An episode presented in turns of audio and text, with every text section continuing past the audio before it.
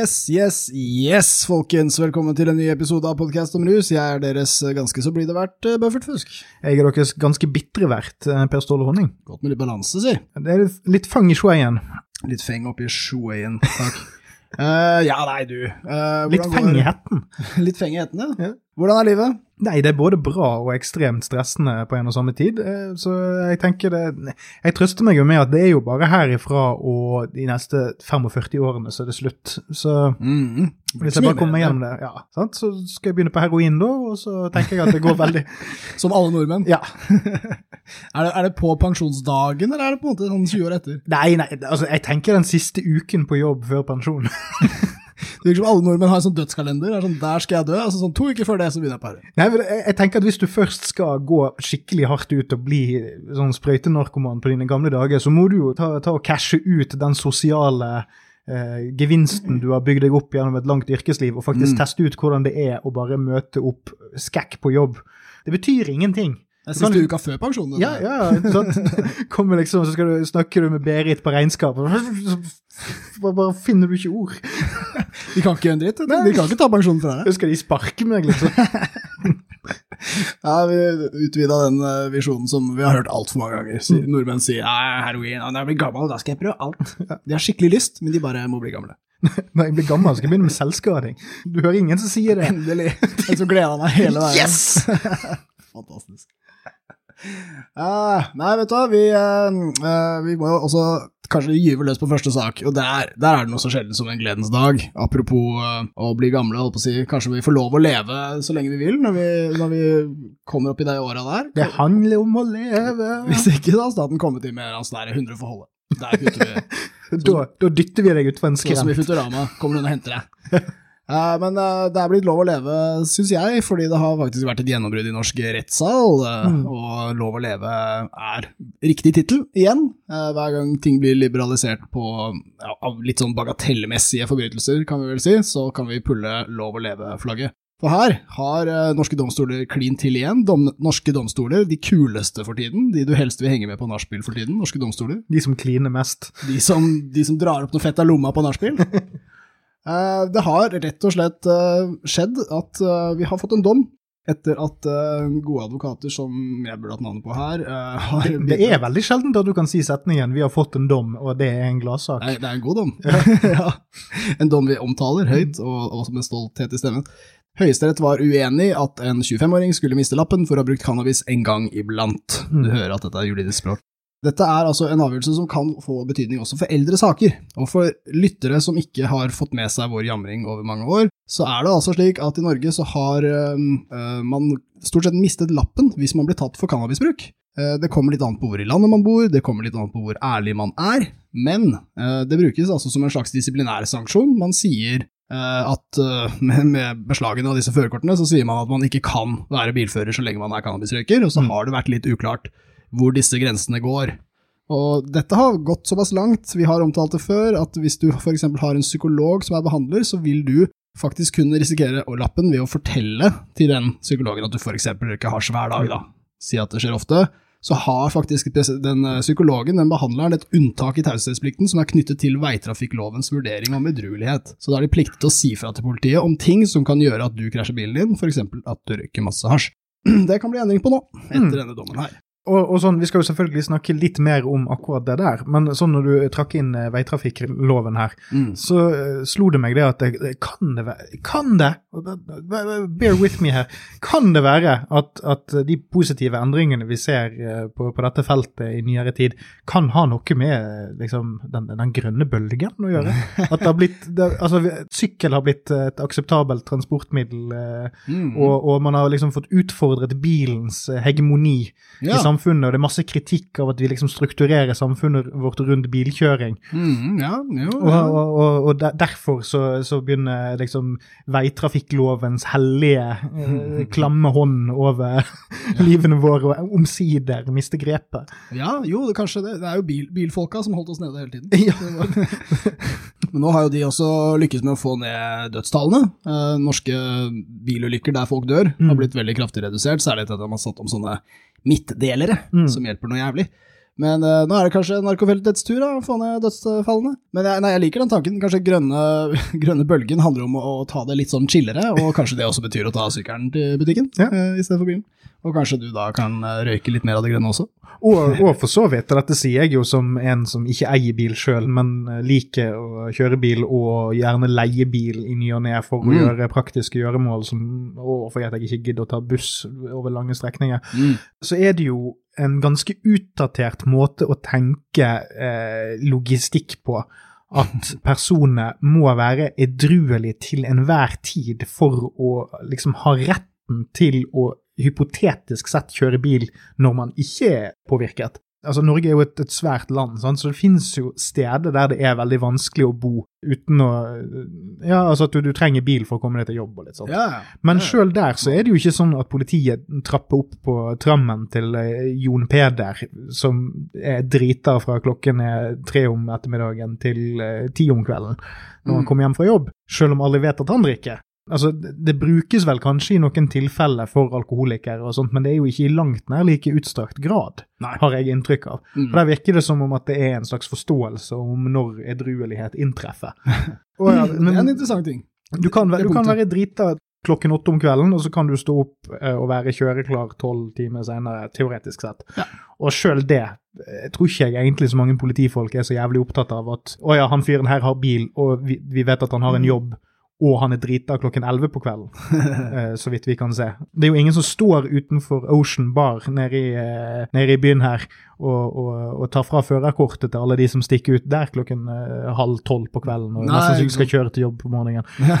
Ja, det, det veldig sant. Det det er et stilig eksempel på hvordan alkohol alltid kommer til å være litt chillere enn Mm. cannabis. Selv om det ble lovlig, sikkert, bare pga. tradisjoner og kultur. Altså, hvis du blåser i nærheten, så vil jo politiet nesten stå der og hoie med deg. Oi, oi, det var nære på, liksom.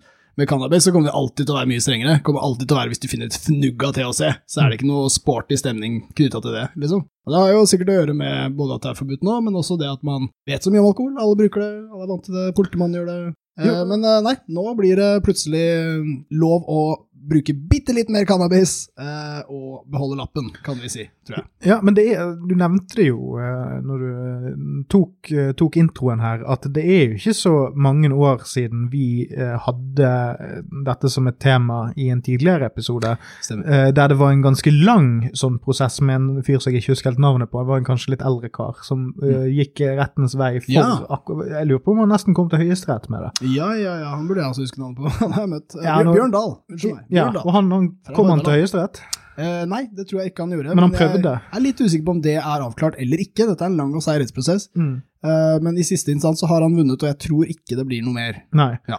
Men jeg husker i hvert fall at det var et tidspunkt der det var noen nederlag i den prosessen. der. Mm. Det, sånn, det var en ganske sånn 'oh, dette er spennende og interessant. Ja. Men denne saken her er ganske ny, og den virker ikke til å ha vært kjørt like, hva skal vi si, eh, ideologisk eh, til verks. Det har ikke vært en like stor kampsak for denne privatpersonen på det prinsipielle grunnlaget, utover at det har blitt begått en urett. Nå, uten at jeg kan si det for sikkert. Hmm. Mens, mens med han Dahl så var det jo en mer sånn uttalt mening. Han, han var vel eh, pro eh, legalisering Ja, øh, og litt sånne ting. Det var noen eh, sånn kampsaksmessige ting der, så vidt jeg Ja, husker. Dahl er mange, mangeårig aktivist og har også vært en eh, radikal holdt si, produsent, en person som, som insisterer på å dyrke eget bruk. Ja. Og han mistet også muligheten til å kjøre traktor på gården sin da han Ja. mistet førerkortet. ja, det er jo spesielt. Ja, så da, da, rammer de ganske hardt. Og han har, var heller aldri tatt for å kjøre beruset. Jeg, tror, jeg trodde ikke du trengte førerkort for å føre maskin på privat eiendom. Nei, jeg skal ikke si meg sikker på det, Nei, ass. nei, det var en del av saken. Nei, jeg har bare fått det for meg at det ikke er tilfellet. Men det, Aner ikke, ass. Nei, du, det, hvis det er din tomt, kanskje du kan finne en løsning. Men eh, han, eh, han har i hvert fall argumentert for at det var en eh, personlig vendetta fra politiet. ja, Og Det er også noe av det som er kanskje verdt å nevne med disse sakene her, at det, det finnes muligheter for å ta førerkortet fra folk som har veldig tunge rusproblemer, så tunge at de livsstilen deres trolig ikke er forenlig med å føre en Mm. ting som veier mange tonn og kan drepe folk. Men eh, det brukes jo ikke sånn. Det Nei. brukes jo som en disiplinærsanksjon. Du har brutt loven og vært ulydig. Nå skal vi ta deg med alt vi har. Ja, og det er jo ikke sånn at vi skal være så jævla prinsippryttere her at det, vi ikke kan se for oss at det finnes folk som faktisk ikke burde kjøre bil, og ikke, Mm. ikke klarer å ta vare på seg sjøl på en sånn måte at kanskje det er et verktøy som det må være lov å ha i den her jævla verktøykassen. Da. Ja, Eh, hvis de absolutt, som de absolutt eh, de insisterer på at denne verktøykassen eh, de må få lov til å fortsette å ha. Men igjen, som du sier, de tilfellene vi hører om, er jo de tilfellene der det ikke er det det er snakk om i det hele tatt. Jeg kan ikke huske at jeg har hørt om noen en gang som har mistet førerkortet på generell Altså på, på, på en sånn nærmest sånn liv- og helsegrunnlag, da. Eh, der det er utenom enhver tvil. Det er ikke de jeg har hørt om. Da ser jeg heller for meg at det er sånn formelle prosesser knytta til at man mister boevne, eller altså Ja. rykker litt ned på et eller annet vis, Kanskje kanskje lappen ryker også.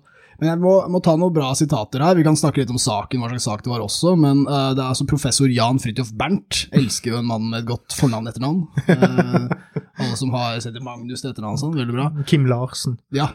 Nei, Kim Lars. Nei, nei, men, nei, men hvis du er fra Vestlandet, så er det sånn Larsen. Å ja, ja, det, du Ja, ser det er Larsen som kommer. Hva er fornavnet, ja. Men uh, godeste Bernt, Bernten? Berntsen? Nei. Bertegutt.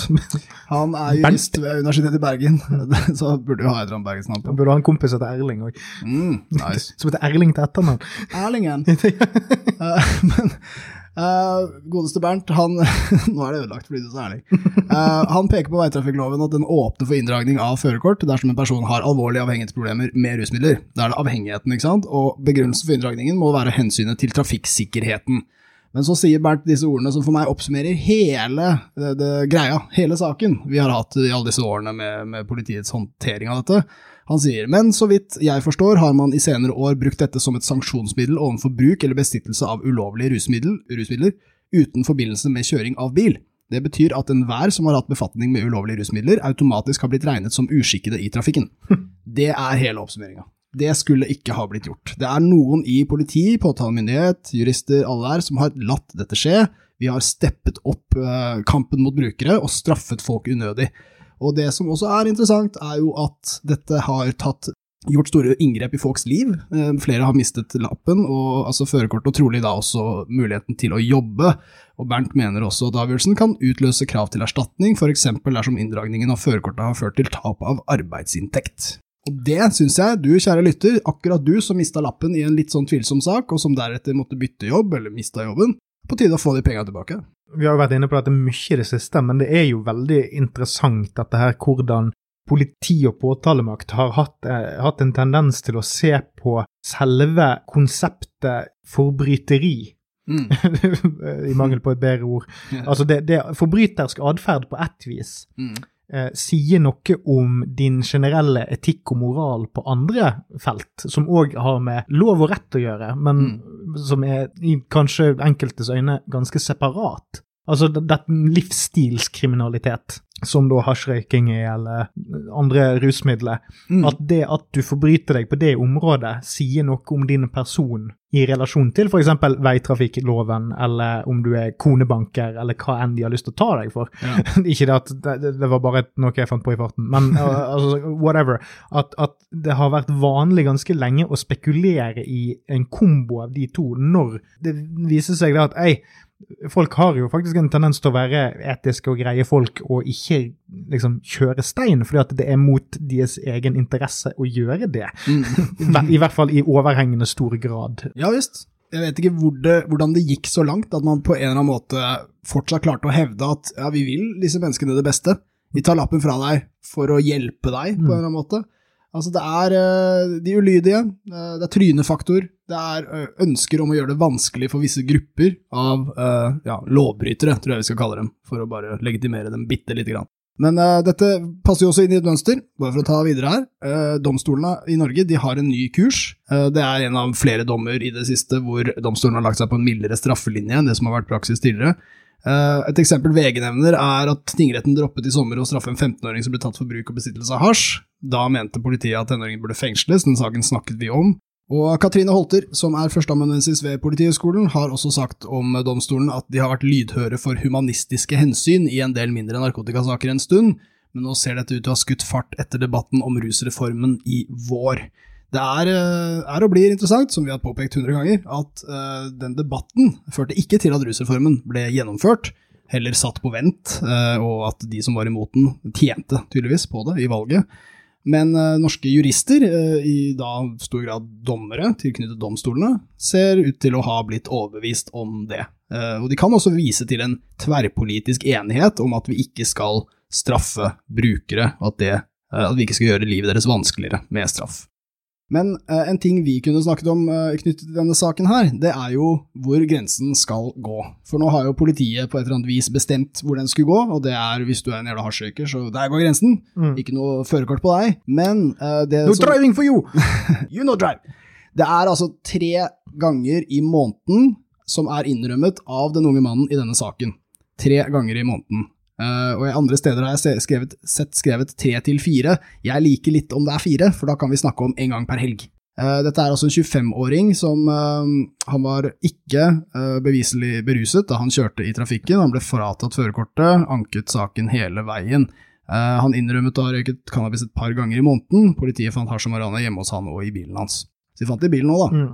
Men det som er, er altså dette blir jo da en Hvis jeg skal si det litt sånn harry, så betyr det at hvis du aldri tilstår noe mer enn bruk tre ganger i måneden, så vil du ikke miste førerkortet fremover. Mm. Den bruken kan du da tilstå til psykologen din, og til politiet, og til hvem som helst, og så skal dette forbli praksis. Men vi kan ta diskusjonen. Hvor skal den grensen gå? Eh, hvis folk sitter og røyker hasj hele jævla dagen hver dag, så kan det jo hende at de ikke burde kjøre bil. Litt som en person som drikker alkohol hele dagen. Men eh, fire ganger i måneden kan jo også tolkes som ganske lavt. Mm. Eh, det er ganske mange dager mellom hver eh, runde der. Eh, jeg syns det er vanskelig å si hvor den grensen skal gå, men eh, det som også er interessant med denne saken, er jo at det er jo de som er fageksperter, er jo også uenige om det. Eh, vidt forskjellig, Mm. viser det seg. Han som er hovedeksperten til politiet i sånne saker, han heter Jørg Mørland. Kan jeg forresten bare droppe inn og si Jørg? Jørg, ja. Kan ikke du bare sette helvete og kalle deg Jørgen? Det, det er sånn ordlista reagerer når du skriver et dokument. Ja, ja, altså det er sånn, Og i, hele navnet, og i hvert fall hvis du skal hete det, het det noe med, med, på tysk med tødle. Ikke, ikke, ha det med ø. Nei, det er veldig sant. Jeg Jørgen. Jeg måtte se det med et ett-tall til slutt, jeg. Jeg kaller Sånn han Tungtvann. Jørgen Mørland. Du har sett han i Tungtvann som har ett-tall til slutt, Jørgen. Dette er, dette er sånn Olemic Thommessen-type ting. Irriterer vettet av meg. Dette er en løsning Jørgen, Jørg, unnskyld, Jørg kunne brukt. Han kunne putta et ett-tall bak, sånn Ja. De kule rapperne gjorde. Men det, der var det en fyr fra, fra Nord-Norge som kom før ham. Eh, men altså, Jørg Mørland har vært eh, politiets ekspert i veldig mange sånne saker, og han, eh, han er en av de som har stått hardt inne for at man bør ta førerkortet fra folk som bruker fire ganger i måneden, eksempel. Og andre fageksperter som Ole Røgeberg har vært helt uenig i det. Og det er jo påfallende at eh, ja, politiet bruker samme fagekspert hver gang, og han står på sitt. Det er jo fristende å si at det fremstår som det finnes ganske mye faglig uenighet på feltet. Da kunne man kanskje vurdert å bruke flere eksperter i retten da, enn denne Mørland. Det virker litt påfallende, det virker litt som, som venner som hjelper venner. Hm. Tenker jeg. Men igjen, kanskje det er veldig få sånne eksperter her til lands. Kanskje man har en eller annen veldig god faglig grunn for å bare velge denne fyren hver gang. Uh, jeg vil jo kanskje tenke at det er en vane man kanskje har på et litt sånn dårlig grunnlag. Er ikke det litt sånn som de holder på med sånn, eh, sånn eh, narkobaroner og sånt? Pleier ikke de òg liksom å bruke den samme advokaten? jo, jo, dommerne elsker jo det. Ja, altså, hvor, hvor, mange, eh, hvor mange uskyldige drapsmenn er det som har blitt representert av Jon Christian Elden? Å ja, det er plenty. Ja. Bare se på dommene. Vi, nev vi nevner i fleng. ja, det var jo han der den gangen. Ja, han, han, ja, med den. Der. Nei, Noen advokater vil alltid få den, eh, den på seg, men sant, så er det jo det. Så Ta Brynjar Meling, da, som Mm. har som reppa Krekar i alle år. Han har sikkert ganske mange klienter som ikke vil ha han etterpå. Ja. Men han viser seg å være ganske fet, da. Jeg, vet ikke. Han har kanskje ikke hatt så mange som ligner på Krekar etterpå, da. Nei, nei, altså sånn hvor, hvor mange eh, folk som eh, har terroranklager terroranklage mot seg, og som potensielt kommer til å bli henrettet dersom han blir sendt hjem til hjemlandet, er det er Drug-kartelladvokat er bra, Ja. men sånn terroradvokat, den vet jeg ikke om jeg ville gått for. Altså. Det blir litt som å bli pedoadvokaten. Det skjedde med Staff, Ja. og nå er det juristsladder på podkasten her. Men uh, Tor Erling Staff uh, forsvarte lommebanen, og etter det så ville norske kriminelle ikke ha noe mer med han å gjøre. Nei, og, og Staff gikk jo ut og sa at han òg hadde hatt uh, relasjoner med voksne menn Ja. uh, som barn, og Ja. syntes det var koselig. Så det var jo òg noe som kanskje farget hans ettermæle i ganske stor grad. Absolutt. Eh, og jeg må si at jeg på mange måter støtter Staff og forstår hvorfor han sa det, selv om det var et mildt sagt kontroversielt budskap. Men eh, greia er at norske kriminelle de har et veldig vrangvillig syn på alt som lukter av pedofili. Ja. Sånn ble det. Ja. Ja. Det er jo noen under de i hierarkiet her, og det er jo Mm. de interessert i å fortsette med. Men heldigvis finnes det mange gode jurister som sikkert satte pris på vår lille sladder der. Eh, Så dere jurister, eh, ta og finn dere noen klienter da, som har mista lappen, og ta og støtt dem i retten. Og hvis du er en person som har mistet retten på lignende grunnlag, så vil VG sine journalister gjerne høre fra deg. Vi siterer i stor grad en artikkel her fra Oda Ording og Kajsa Linnea Hagfors. Ja, og, og hvis det er noen, øh, noen øh, navnejurister der ute, så ta gjerne og trekk Jørg Mørland til retten for bare å ha et ekstremt idiotisk navn. Ukomplett fornavn. Uh... Få, få en dømt til å få en N på slutten. Er det han som skal dømmes, eller foreldrene? Jeg vet In, ikke. in abstentia, er det det det heter? Når de Ja, er men vi kan trøste oss med at i, i Bergen så heter han Jørgen! Er det Jørgen som kommer? Ja, det- Bernten og Jørgen, Ja. begge to. Ja, det er Strålende, folkens. En gledens dag. Det er jo slett ikke verst at eh, sånt skjer. Eh, og vi skal holde oss på det vi ikke kan, nemlig juss. Og snakke litt om eh, Riksadvokaten, vår nye homeboy. Følg med på vår spin-off-podkast om juss. Den må vi ha dratt før. Ja, det er det. Uh, nei, du, vet du hva. Vi tar jaggu faen meg og snakker litt om Riksadvokaten nå. Homeboy um, Maurud. Han har jo eh, sagt mye greier om hvordan man skal ransake narkobrukere, og Mm. kanskje hvordan man helst ikke skal gjøre det. Og nå har det blitt mye forskjellig eh, utfall av dette, og, og ja, det, det skal vi ta litt senere. Ok, drit i meg. Mm. Eh, det vi tar først er, om Riksadvokaten, er at han ikke vil instruere politiet om lavere narkopåstander i retten. Og da går vi tilbake til det vi snakka om i stad. Norske domstoler de dømmer stort sett folk veldig mildt nå, i Mm. forhold til før. Og, men likevel så kommer disse politijuristene inn i retten da, med Mm. påstandene sine, og, og vil ha dem i fengsel. Og det er jo litt stilig at uh, de fortsetter å be om fengsel, når hele samfunnet ellers, og dette er det retten viser til, er enige om at sånn skal vi ikke gjøre det, så fortsetter juristene med sin linje. Men det vil vel kanskje vare en stund til. Eh, Det er i, i saken jeg siterer, fra rett24.no, så sier Bendik Falk Korslung, eh, som jeg forsvarer i en sak her, at det er problematisk at det er helt uforutsigbart å si hvilket nivå påtalemyndigheten vil legge seg på. Mm. Jeg tror kanskje vi ser på nok en sak der, eh, der det tar litt tid å få det banka inn i systemet som straffer, at Mm. eh, vi skal ikke gjøre det så mye nå lenger. Det, det strittes imot. Ja, hvordan er det det, det slår ut, da? Altså, altså, eh, hvorfor vil ikke Riksadvokaten uh, instruere? Uh, godt spørsmål. Skal vi se. Altså, det er altså, I saken her så er det første statsadvokat Olav Helge Thue ved Riksadvokatembetet som uttaler seg og sier at det ikke er nødvendig med direktiver. De ser på, saken, følger, eh, ser på sakene og følger med på straffenivået, men mener at det foreløpig da ikke er nødvendig med å gå inn der, altså la juristene være frie. Han sier Riksadvokaten uttaler seg som regel ikke om eller i tilknytning til enkeltsaker, og har ikke oppfattet situasjonen slik at det er nødvendig å gripe inn i enkeltsaker eller gi generelle direktiver om hvilken påstand som skal nedlegges i disse sakene, der påtalekompetansen ligger til politiet. Så det er eh, veldig lite begrunnelse i det. Eh, har ikke lyst til å styre dem, står det. Men eh, han, han viser også til at selv om russeformen i sin opprinnelige eh, form aldri ble noe av, så ble det faktisk vedtatt enkelte justeringer som er relevante for problemstillingen. Ingen av de er trådt i kraft, hm, men det skal skje 1. juli. Men så det virker som om Riksadvokaten egentlig tenker at nå ordner domstolen dette her på egen hånd. Eh, ja, og, og politiet, da. Altså, Mm. Riksadvokaten mener at uh, politiet skal merke hvor, hvor retten legger seg, og så justere det. Ja, altså uten at altså, Nå begynner jo denne podkasten å bli en serie med sånn, sånn eh, der vi tar noe sånn ett vekttall i juss eh, i halvåret. Eh, Men da virker det jo litt som om at siden dette egentlig ikke er politiske embeter, Mm. så skal de jo ikke nødvendigvis eh, merkes at de har politisk slagside heller, men de skal utøve eh, liksom folkets vilje gjennom, gjennom embetene. Mm. Eh, og da kan det jo da være det at når, at, ja, at når de da ikke vil gå inn for instrukser sånn, så er det mer det at ja, men det, nå skal vi liksom la eh, det store eh, byråkratiske apparatet bare gjøre denne justeringen av seg sjøl, sånn at det er egentlig ikke noen konkret avgjørelse utover disse føringene som kommer Mm. gjennom eh, ordskiftet og gjennom små faktisk politiske vedtak. Jeg skal se, se åssen det går. Ja, det er artig å se at det skjer i samtid, da, for vanligvis er det sånn at denne typen evolusjon skjer jo på en sånn mikronivå med amøbe og sånt som du er nødt til å se under et mikroskop, så det er jo artig å se at vi får litt sånn Det er litt sånn som å se en Pokémon evolvere. Mm. Noen har tatt en sånn Thunderstone til en Pikachu eller noe sånt. Oi, den er en sånn freebie for dere anime-nerder der ute. Use anime-nerdsa. Er bra overlapp. Bra crossover der. Men uh, det er, altså, vi, vi, har jo lurt litt på det samme som uh, journalistene her lurer på. altså Hvorfor nedjusteres ikke disse straffepåstandene om straff? Det som, det som, ser litt sånn interessant ut her, er jo altså, vi, vi, må prøve å forstå dem. Vi kan ikke bare se på dette som en gjeng med dumme jurister som ikke har fulgt med på jobben sin. Det er altså Det fins ideer i rettsvesenet om ø, straffens effekt. Og det gjelder særlig at den skal være avskrekkende. ikke sant? Mm. Og det som er litt morsomt her, er uh, Morsomt feilbruk av det ordet. Uh, hvis du får betinget bot, så er jo det noe som betinger at du skal uh, oppfylle ditt og datt, eller så blir det altså fengsel på deg. Og flere av dommene som har kommet, de har problematisert bruken av betinget fengsel, ettersom det er liten grunn til å tro at den betingede dommen vil ha noen form for avskrekkende effekt på målgruppa.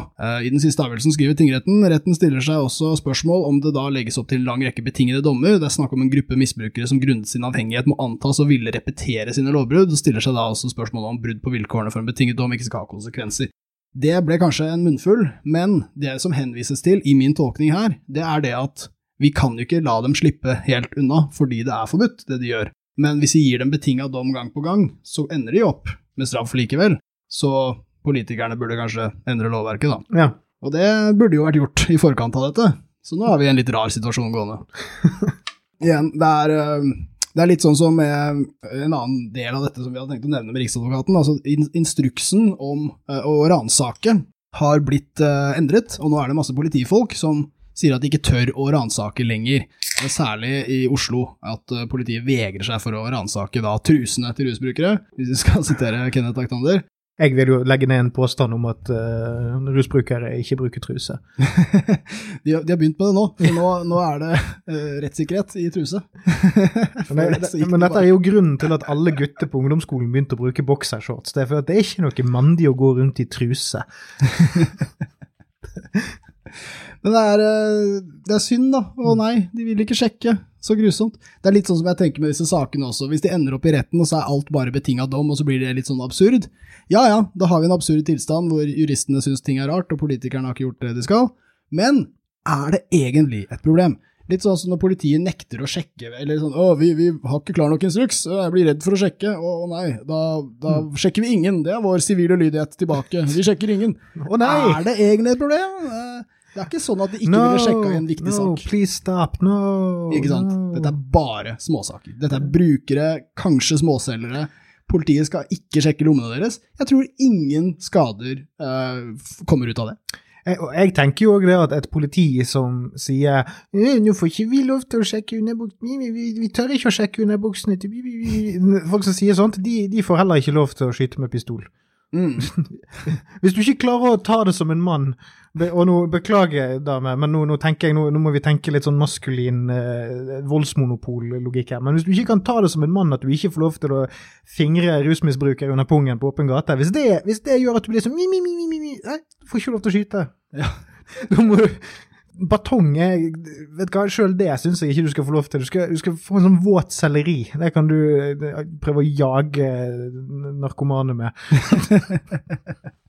ja, altså, jeg, jeg syns også dette bare er, er komisk. Altså, hvis det er sånn at narkotikakrigen sitter så innprenta at uh, norsk politi sliter med å følge en ny instruks som går på bekostning av tidligere kunnskap, eller, eller, de burde klare å bytte på dagen. Ja. Hvordan kan det her være så jævlig vanskelig, da? Og nå er det også verdt å nevne at uh, Riksadvokaten har publisert alle statsadvokatembetets rapporter om politikamrene, om omfanget av feil tvangsbruk, og der står det veldig, veldig mange av de, så ser du hvem som f.eks. vedtar at noen skal uh, ransakes, fordi du har situasjonen hvor noen blir stoppa på gata, og så skal man egentlig ringe politijurist.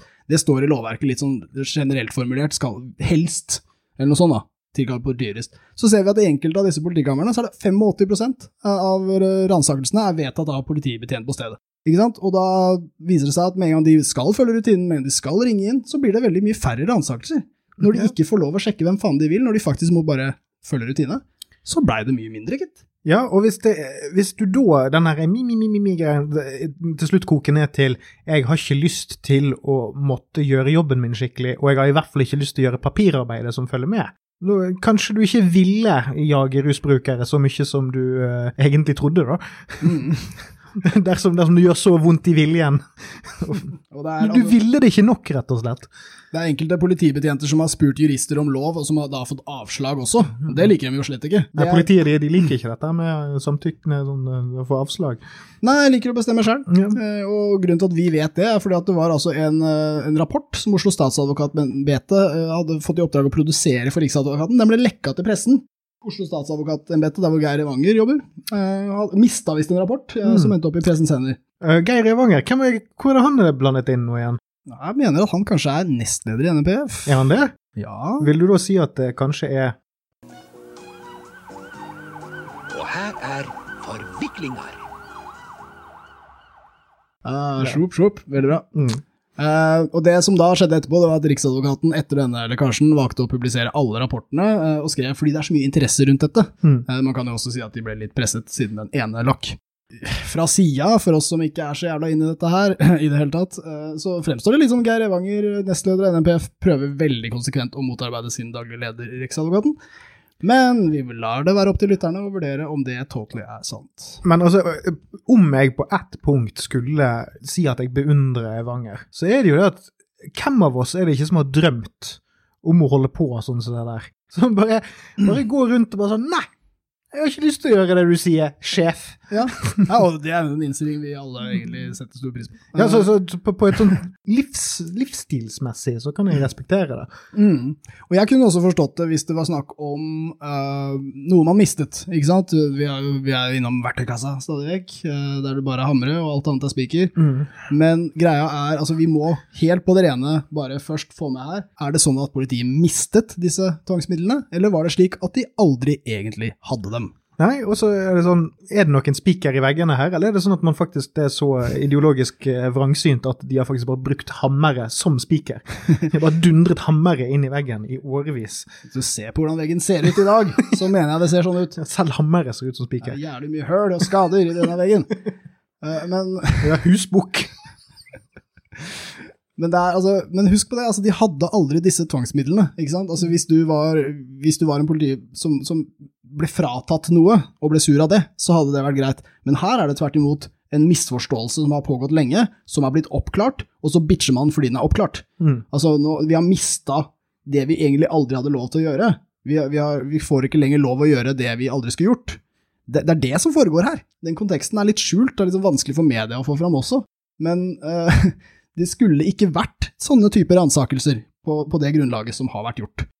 Og, og det å fortsette å slåss for det, altså det er på det beste eh, et, en kamp for å bruke jævlig mye ressurser på en liten ting. Altså, Legg alt det andre til side, legg all overgrepet, all, all mistilliten til politiet, all utryggheten de skaper i pressa miljøer. Det er i det best, på det beste er det et argument for å fortsette å bruke jævlig mye spenn på noe som har gitt veldig, veldig dårlige resultater. Nei, men det får være nok juss for i dag, folkens. Vi er jo faen ikke um, jurister, uh, hvis noen mistenkte det. Nei, i hvert fall ikke etter den uh, saken om uh, ja, bevilgningssaken. Den om juss. Ja. Vi skal snakke litt om Helsedirektoratet, som har hatt en ny annonse i VG der det er cannabis eh, som skal uh, adresseres. Det er veldig velbetalt annonsørinnhold, hvor man også refererer til Helsedirektoratets nyeste side. Det som er litt verdt å få med seg, er at det er påstander om cannabis som dukker opp her, og så henviser man da til en kilde som heter drrr, Weeden-senteret. Joss Weeden-senteret for Avengers og hasjforskning.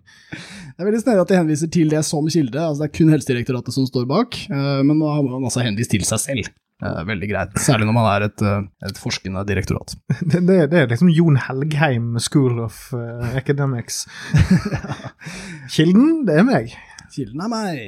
Og hvis du går inn på weedensenteret.no, så vil du finne masse Det er ikke sånn at de skjuler det, står Helsedirektoratet oppi hjørnet, men du finner masse fancy 3D-animasjon som eh, danser rundt, og du får greit med info om cannabis. Det er stort sett eh, negativ vinkling på det, altså cannabisforskning er uklar pga. veldig sterke politiske interesser gjennom mange, mange år.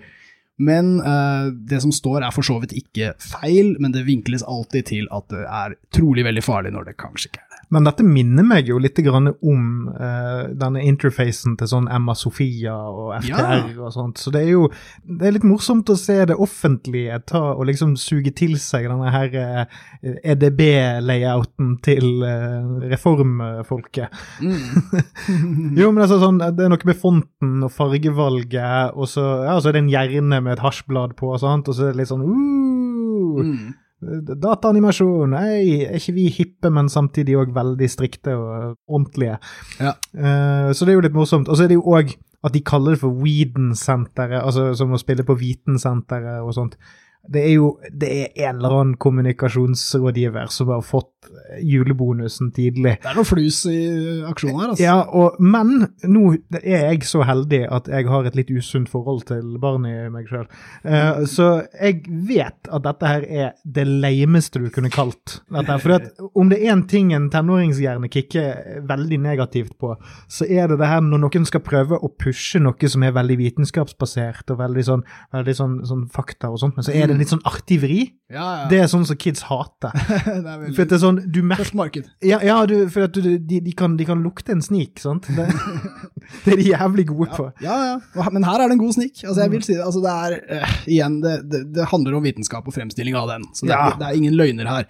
Men nei, eh, jeg mener det som i sneaky. Altså, det Ja, er noe ja, ja. Manipulasjon. Ja, korrekt. Helt enig. Jeg var også litt på den engelske sneaky-sneaky. Mm. Men uh, for å ta et eksempel på hvordan det er sånn vrangvilje hele veien. Det er for når det så, Hvor kommer cannabisen fra? Spørsmålstegn. Planten ble opprinnelig dyrket der og der. Og så, neste avsnitt. Dyrking av cannabis kan ha store negative miljø- og samfunnsmessige konsekvenser. Ja, og så var det det at uh, ikke helt kanskje- løsrevet fra kontekst. Det kan hindre folks videre, det kan hindre folks tilgang på vann og bidra til utslipp av miljøskadelige kjemikalier. Du mener i fattige land, der de dyrker det, til de rike landene som kjøper det pga. forbudspolitikken? Vet du hva som òg kan hindre, eh, hindre folks tilgang på vann og ressurser? Eh, Det er sjokolade. Eller vann. Det var jo Nestlé har jo kjøpt opp vannforsyningen i flere land. Det, Hvis disse dyrkerne blir arrestert, så er det ikke så mye vann i fengsel for dem. ja, altså sånn, den, den kritikken der, den kan du kjøre på en million fullt lovlige industrier. Det er chill å jobbe der og bare finne masse vitenskap, og så bare Hvordan kan vi spinne dette negativt? Ja. Hvordan kan dette bety noe dårlig? Og igjen, jeg har, jeg har eh, mast om det før, men det er sånn, ja, for all del, kritiser eh, at penger rår og alt det der. Mm. Men det er ingenting som skiller produksjonen av cannabis vesentlig fra produksjonen av tobakk, eller produksjonen av whatever som fremstilles lovlig. Det er rammene for om det er lovlig å fremstille det som er forskjellen. Ja. Om noe så er jo det å f.eks. legalisere hasj, eller legalisere cannabis, vil jo om noe faktisk styrke rettighetene til folk i de områdene der det dyrkes. Mm. Forhåpentligvis, da, selvfølgelig. Ja, det er, eh, og når de legger fram forbudskonsekvenser som en greie som på en måte handler om cannabis generelt, så er det akkurat som å høre en, en gammel eh, gubbe som argumenterer for hvorfor kvinner burde bli på kjøkkenet eller noe sånt. Altså, det er din konsekvens som holder dem der. Ja, De kan jo ikke få stemmerett. Tenk om de plutselig begynner å gå med bukse! Weed, uh, weed-bukser. Plutselig så står de der med hår under armene og, og nekter å vaske opp. og sånn ble det. Mm. Men nei, vi, uh, vi må også ta med altså, det, det er Et stort problem med artikkelen som ble påpekt av Dag Vollebekk på Twitter også, det er jo at uh, de har fått med seg da en person fra det som nå før het Rustelefonen, som i dag heter Rusinfo, Sturla Nås Johansen. Og I det lille filmklippet som er med han, så sier han blant annet mens alkohol er kanskje mest skadelig knyttet til det at man blir full, eller mister kontroll og blir drita, osv., osv. verre ting om cannabis.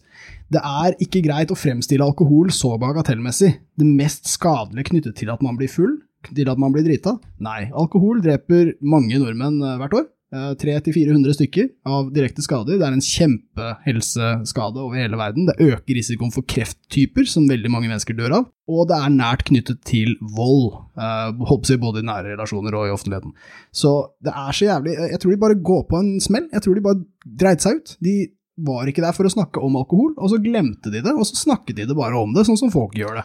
Vi har jo vært så vidt inne på sammenligningen med alkohol i denne episoden, men den, den eh, flinke lytter har jo lagt merke til at Det er en ting vi kanskje har sluttet litt med, denne direkte sammenligningen med alkohol. I hvert fall i så stor grad som vi gjorde før. Mm. Det er fordi at når du, det er sånn Med en gang du trekker inn alkohol i enhver sammenheng, så ender du ofte opp med å forkludre hva det er du snakker om. Ja. Sant? Eh, Du kan, eh, ja, altså På det prinsipielle grunnlaget så kan man dra det sånn at å ja, alkohol er veldig skadelig, derfor burde noe som er mindre skadelig, være tilgjengelig, men bla, bla, bla.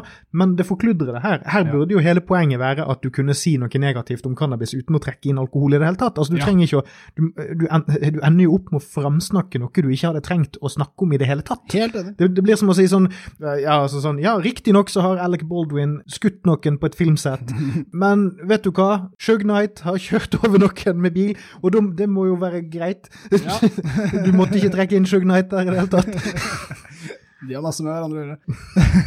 jeg må eh, huske også at eh, Sturla som sier dette, han er jo da daglig ledertyp for eh, rus... jeg kaller det fortsatt Rusinfo. Rusinfo, som Helsedirektoratet driver. Men eh, en eh, bekjent på internett, eh, på Twitter, Magnus Nome heter han, han sendte da av gårde spørsmål til Rusinfo, hvor man kan spørre på chat. Hva er farligst av cannabis og alkohol? Ja. Det gode gamle spørsmålet. Og veilederen, som er anonym, og trolig langt under Stulla i systemet, svarte mye bedre enn Stulla gjorde. Her er svaret fra veileder på Rusinfo. Hei, det kommer veldig an på f.eks. hvem som bruker det, hvordan og hvor mye det brukes. For eksempel vil en person A som bruker mye cannabis kunne ta mye større skade enn person B som bruker alkohol forsiktig. Men om man skal, likevel skal sammenligne mulige helseskader, så er det nok alkohol som kommer verst ut av de to. Ja, og så er det jo også, Der er svaret. Ja, ja og, og det er òg sånn at du kan ta en person som sitter og røyker hasj 24 timer i døgnet.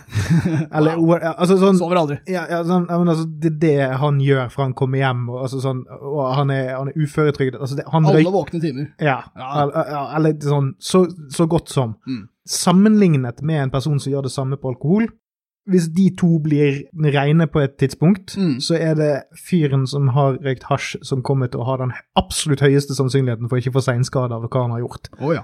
Om han har fått noen, så er det ok, hvis han, det spørs jo om han har røykt mye med tobakk og sånt, for da kommer liksom Mm. det at du røyker eh, den typen plage inn, da. Men la oss si at det var weed, da. Eh, eller, eller at det var cannabisolje, for den saks skyld. Altså selve rusmiddelet i seg sjøl har ikke gitt vedkommende spesielt mye fysiske skader. Mm. Det er ikke tilfellet for en som har vært alkoholiker i la oss si da fem eller ti år. Ja, absolutt. ass. Og da er det så åpenbart igjen at, det er- at eh, det er fordi cannabis er forbudt at det skal advares ekstra mye mot det.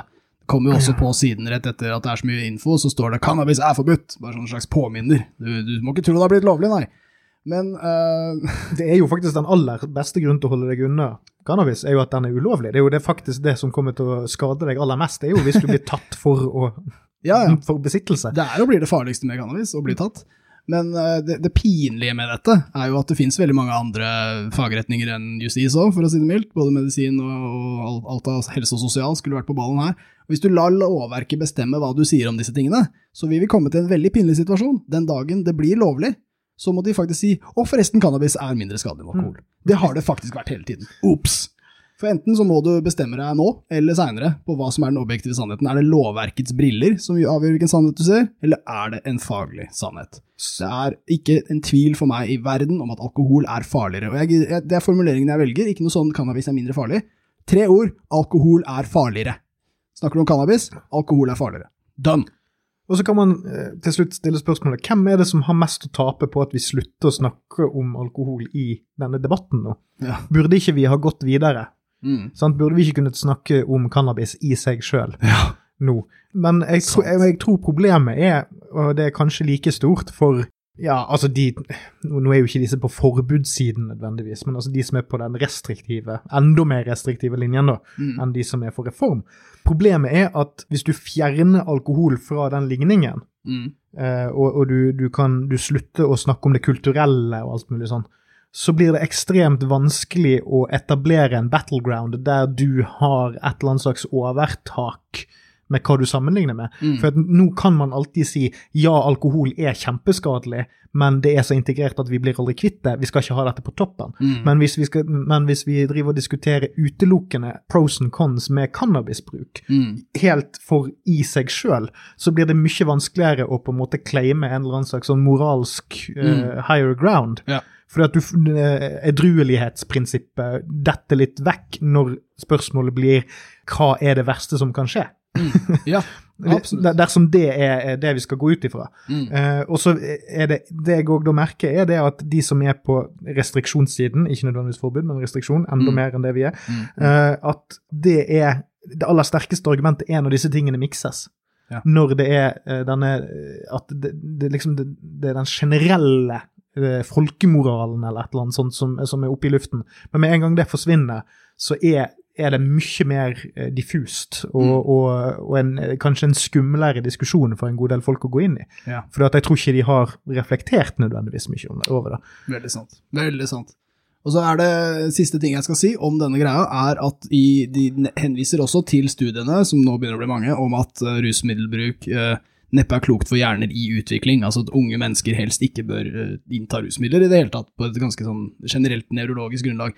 Men det er det det er. Altså de studiene har blitt knytta til cannabis, de dukket på en måte opp der dette poenget, men det er et generelt poeng. Du kan ikke ekskludere f.eks. alkohol fra det poenget. Det er ikke sånn at alkohol er trygt for unge hjerner og cannabis ikke er det. Rusmidler generelt er ikke bra for unge hjerner. Så det, det blir for meg nok et bevis på at dette handler om en politisk og derfor eh, lovbasert ting eh, å gjøre. At man knytter det til cannabis, nevner ikke med ett eneste ord at alkohol er farlig for hjerner i underutvikling. Så ops, glemte det visst. Ja ja, fortsett å drikke og aldri lekkasj, så ordner det seg sikkert. Ja, og så er det jo òg det Hvem er det som har sagt at det det er tenåringene som skal røyke i utgangspunktet? Det er jo Alltid de som skal skyves foran. Ja, ja og, og det er jo igjen Man er tenåring um, i åtte år, Ja. maks. For de av oss som er heldige. Hvorfor skal de åtte årene der være så ekstremt dominerende for hvordan resten av livet til resten av landet skal organiseres? Forever young. Ja. Yes, folkens, håper det ikke ble altfor tørt. Vi er i mørketida, vet du. Vi, vi spiser D-vitamin, vi prøver så godt vi kan. Men uh, takk for en nydelig sending, og husk å ikke innrømme bedre enn tre ganger i måneden bruk hvis du vil kjøre bil i Norge.